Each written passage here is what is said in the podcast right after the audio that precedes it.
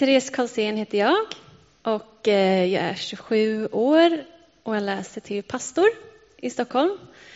Eh, så jag har läst i tre år och jag har ett år kvar. Eh, och det är den här församlingen som jag är uppväxt i.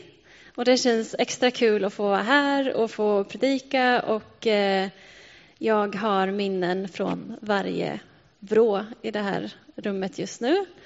Eh, så det känns jättehemma och trevligt. Och jag har minnen med väldigt många här inne också. Ni har fått se mig när jag var liten. Jag har fått sitta i Mikas knä och köra hans permobil. Jag har kört eh, sardinen här inne, så det har varit helt becksvart och vi har sprungit omkring. Eh, så jag krockade in i en tjej och hon fick en extremt stor blåtira eh, som jag aldrig sett förut och jag fick en bula, så hon var lite längre än mig. Så det och hon var inte kristen och eh, sen gick vi till skolan dagen efter och de frågade vart har du fått den där blåtiran ifrån? Och hon svarade kyrkan. ja. Eh, ja, men så det känns väldigt kul att få vara hemma. Eh, och jag tänkte eh, predika utifrån Bibeln. Ehm, och det gör man ju alltid, men jag tänkte predika extra mycket utifrån Bibeln. Så jag tänkte att vi kan eh, slå upp en powerpoint på Efesierbrevet kapitel 4. Så börjar vi från första versen. Ni som har biblar med er, eller bibelappen, får gärna hänga med.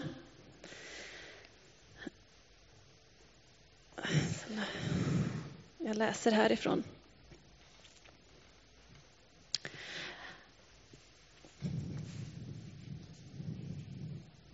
Ja.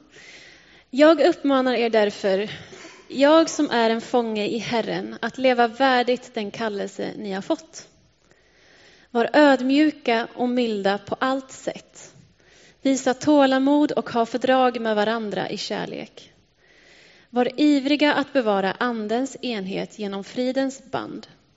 En kropp och en ande, liksom ni kallades till ett hopp, det som tillhör er kallelse. En Herre, en tro, ett dop. En Gud som är allas fader, han som är över alla, genom alla och i alla. När jag läste de här verserna så tänker jag på enhet, att det är så svårt när man är olika. Ehm, men det är så viktigt att ha fördrag med varandra. Det är någon som har sagt kyrkan kommer aldrig vara perfekt för att du är där i. vi är ju människor. Eh, och så fort jag kliver in i en perfekt församling så blir den ju inte längre perfekt för att jag är ju inte perfekt. Så det finns ingen perfekt församling för vi är församlingen och vi är ju människor. Så den kommer aldrig att vara perfekt. För den är byggd på människor. Och vi sårar varandra, tolkar Bibeln olika, vi har olika gåvor. Och därför så tycker jag att den här versen är så bra, att ha fördrag med varandra i ödmjukhet, mildhet, fördragsamhet, men framför allt kärlek till varandra. Vi läser vidare, vers 7 till 13. Men åt var och en av oss gavs nåden allt efter den gåva som Kristus mätte ut. Därför heter det, han steg upp i höjden, han tog fångar och gav människorna gåvor. Och det är ett citat från en saltare. Detta ord, han steg upp, vad betyder det? Om inte att han också stigit ner till jorden. Han som steg ner är också den som steg upp över alla himlar för att uppfylla allt. Och han gav några till apostlar, andra till profeter, andra till evangelister och andra till herdar och lärare. Det skulle utrusta de heliga till att utföra sin tjänst, att bygga upp Kristi kropp. Tills vi alla når fram till enheten i tron och i kunskapen om Guds son. Till ett sådant mått av manlig mognad att vi blir helt uppfyllda av Kristus.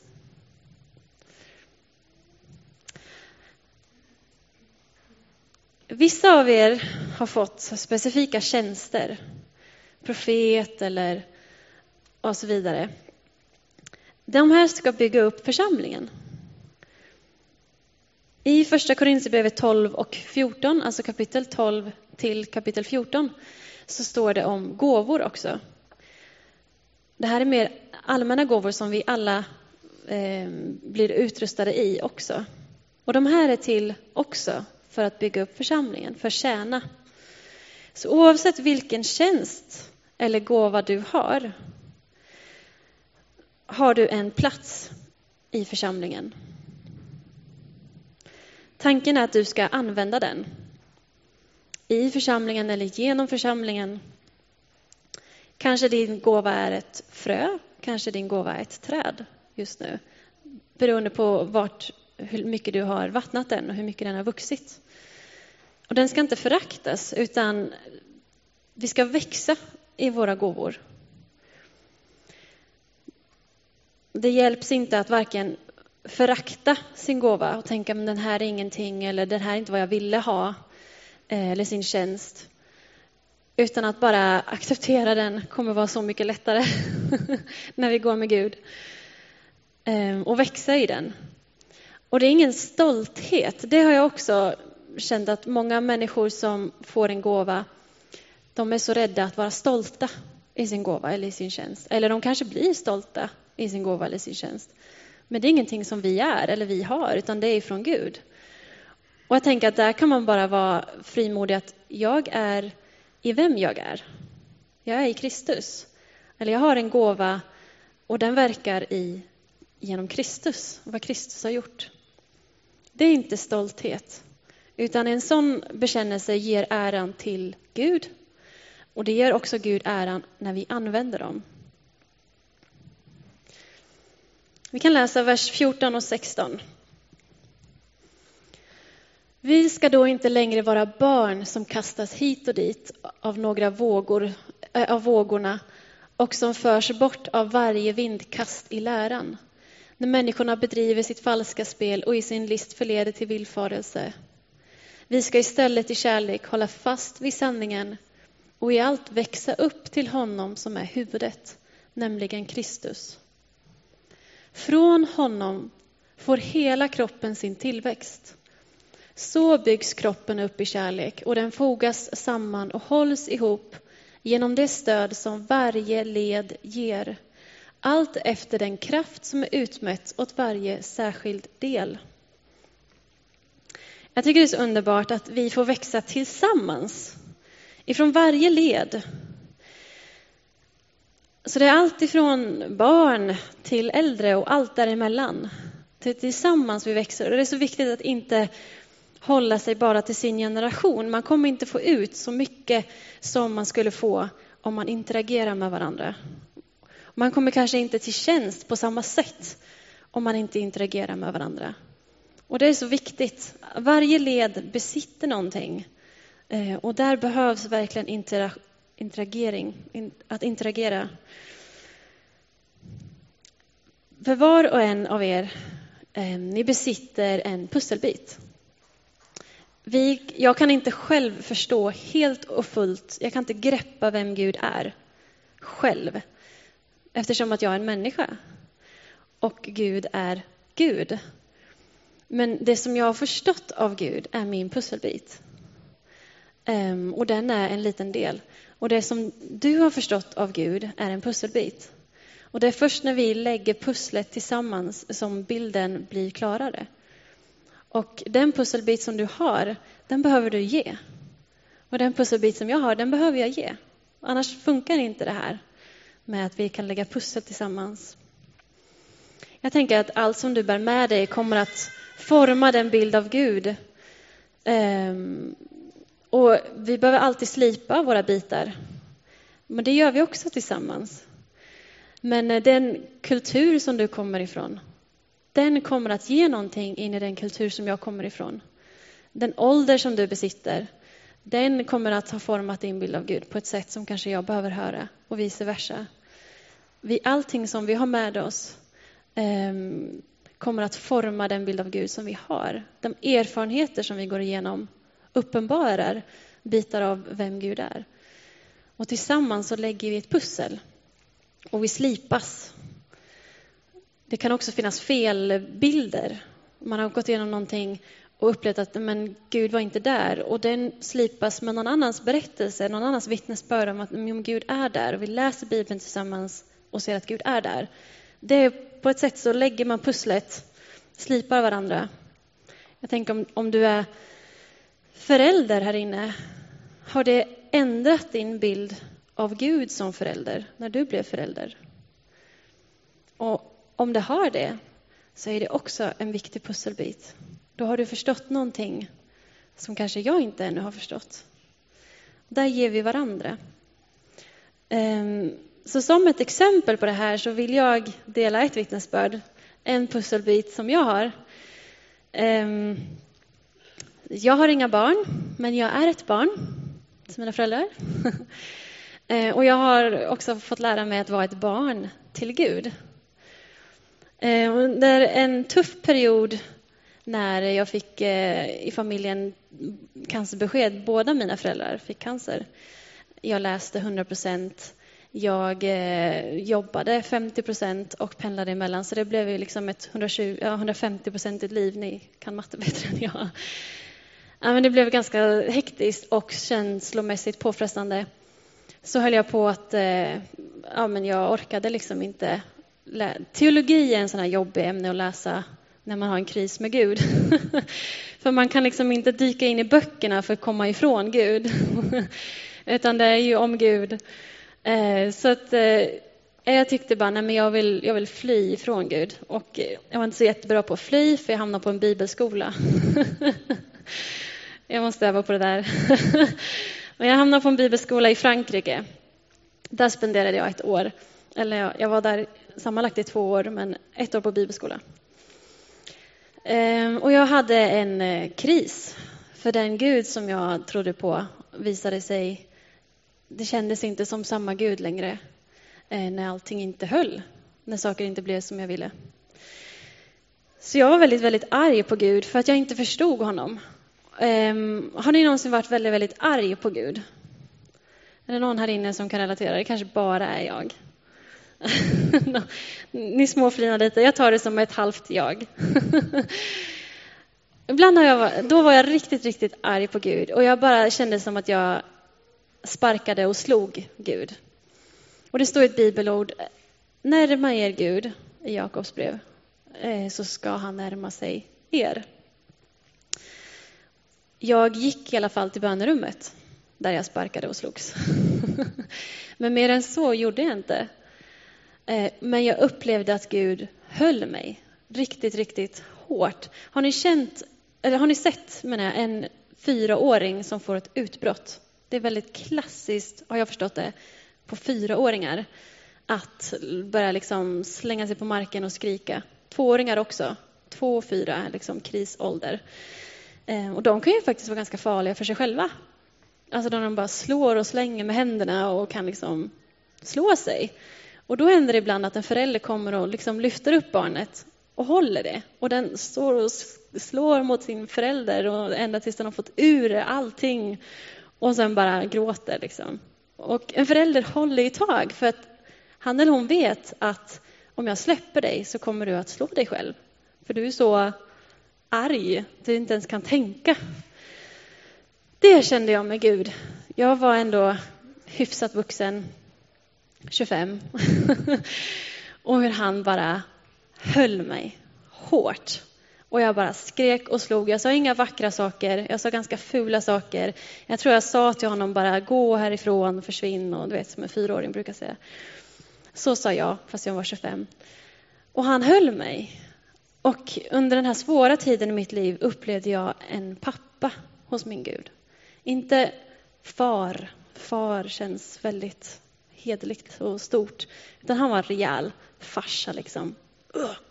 Och det var bra, för det var precis vad jag behövde just då. Och det finns, Gud är så mycket större än vi förstår. Han är Herre, han är allsmäktig. Vi ska vörda honom, men han är också farsan. Och den delen fick jag uppleva och den vill jag bara dela med som, som min pusselbit. Och det finns så mycket mer till Gud. Um, jag tänkte läsa 17 till 32, men den var så lång och i princip handlar den om att Gud har utvalt oss att vara ljus. Att vi inte, han har en värdering, han har tankar. Han vill att vi följer dem. Inte låter världen bestämma hur vi ska tänka och känna, utan anledningen till att han vill att vi ska ha värderingar utifrån honom är för att vi är ett ljus som han vill lysa igenom. Jag har märkt de gånger som vi har lättast, vad jag har förstått det som när jag pratat med människor och i mitt eget liv, att inte göra det jag borde göra. Ehm, eller att, att synda. Det är när jag är uttråkad. Det är när jag liksom inte är där jag borde vara. Som David i Bibeln, kungen, kung David. När han inte var i krig där han skulle vara, alla andra var i krig. Han borde vara längst fram och stötta truppen. Men när han inte var där han skulle vara, det var då han började se på den här gifta kvinnan Batseba. Han hade så mycket tid över till att göra ingenting vettigt. Ehm, och jag tänker det att det är, det är en god sak att vara upptagen med att tjäna Gud. Och det, det, är lite det som vers 17 och 32, ni får hemläxa, ni får, ni får läsa den hemma. och så får ni bedöma och se om det jag säger är vettigt. Men att det, det är en god sak att vara i tjänst i de gåvor och den kallelse som du har. Och växa i den tillsammans. Ehm. Det finns en ehm, bok som jag läst som heter, jag kommer inte ihåg vad den heter, men Robert, jag kan visa den. Samma gamla nya jag, heter den. Robert Eriksson. Eh, han är långt ifrån den enda som pratar om säsonger. Men han är en av dem. Jag kan rekommendera den här boken, är väldigt bra. Eh, men hans poäng var att tillväxt i församling är inte som en trappa som går upp och fram och sen ska den gå upp igen och sen ska den gå fram som en trappa. Eh, man blir utbränd på det sättet och det är inte ens vad Gud har tänkt. Att vi ska liksom bara gå uppåt och framåt, utan livet är mycket mer komplicerat. Kriser händer, säsonger händer. Han menar att tillväxt i församling är mer som en nedåtgående spiral som blir bredare och djupare. Ehm, och det här sker genom säsonger. Precis som det finns säsonger i vädret. Nu befinner vi oss i sommar och sen så kommer det hösten. Och vi har väldigt, väldigt vackra säsonger i Sverige. Så finns det även säsonger i ett liv med Gud. De här är till för att fördjupa. Ehm, och de sker antingen av Guds ingripande eller av situationer som bara händer i våra liv. Och ehm, våren kan man säga är när man bara känner bönesvar. När man bara frågar Gud någonting och han bara svarar på en gång. Och man bara wow, det är den här guden som jag känner. Han är ju god och trofast och man vill bara sjunga med lyfta händer och dansa och liksom proklamera det här är sanning och man vet det så starkt och allting bara wow. Det är våren, det liksom spirar. Och sen så kommer det en sommar. De här årstiderna i livet kan ju hoppa lite sådär. Men eh, någon gång kommer det komma en sommar. En sommar är till för att på något sätt befästa det som våren har uppenbarat. Man börjar brottas lite med de teologiska frågorna och bara, ja men det är nog det här jag tror på. Ja men det är, den här är jag i Gud, det här är min identitet i Gud. En sommar är en tid som man Eh, ja, men man, man brottas lite, men det är ganska härligt. Man vet, man sätter ner lite ramar. Eh, man känner sig trygg och nu vet jag och sådär. Hösten, man kan säga att den tiden, de här två åren i Frankrike var min höst. En av mina höstar. Den var en ganska jobbig höst.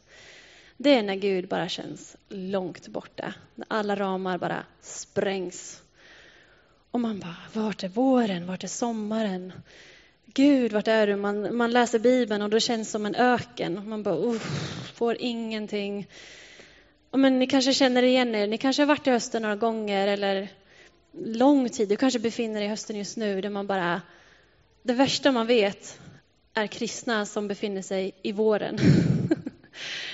och de bara halleluja! Och de bara känner du inte hur underbart det är? Och man sitter i en öken och bara, solen bara gassar och man bara nej, det gör jag inte. de som befinner sig i våren tycker att det värsta som finns är de som befinner sig i hösten. För de bara, nu går vi framåt, nu går vi uppåt och framåt, uppåt och framåt.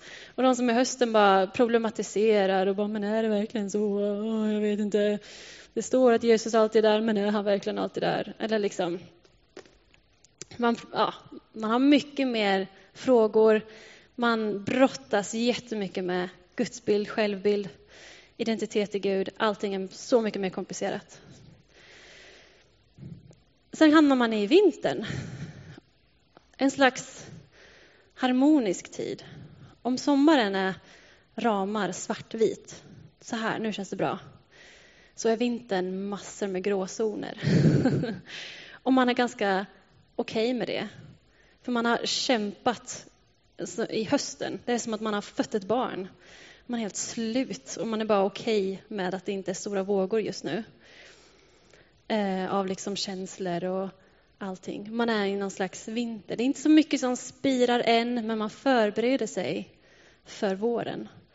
Eh, och så här tänker jag att alla ni som sitter här inne just nu, ni befinner er i en säsong, mer eller mindre. Ni kanske har befunnit er i en säsong i flera år. 20 år bara känts som en höst, eller som en lyxig vår. Eller kanske en månad av sommar och sen en månad av vinter. Men i detta så är vi församling och vi har fördrag med varandra. Och oavsett vilken säsong du är i så ska din rörelse vara till Gud. Och det är det som är så skönt med det här med spiralen, att höstmänniskor får finnas i församlingen. De backar inte församlingen. För det handlar inte om upp och fram och upp och fram. Utan det handlar om att fördjupas. Och då kommer Gud att låta oss få vara i säsonger. Och då kommer vi att fördjupa oss genom de här säsongerna. Och tillsammans får vi ha vår riktning till Gud i allt vi gör, vart vi än är. Vi ska tjäna Gud frimodigt med de gåvor som vi har och de, den tjänst som vi har i honom. Vi är den vi är i Gud. Vi har det vi har i Gud. Och när jag använder det så ger jag honom äran. Och medan vi växer så har vi fördrag med varandra i ödmjukhet och mildhet och kärlek. Ni är världens ljus. Ni är Guds älskade barn.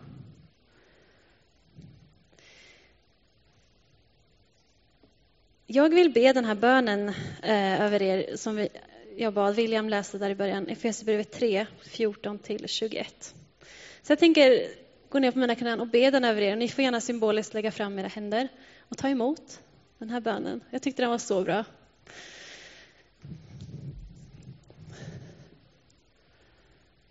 Därför böjer jag mina knän för Fadern.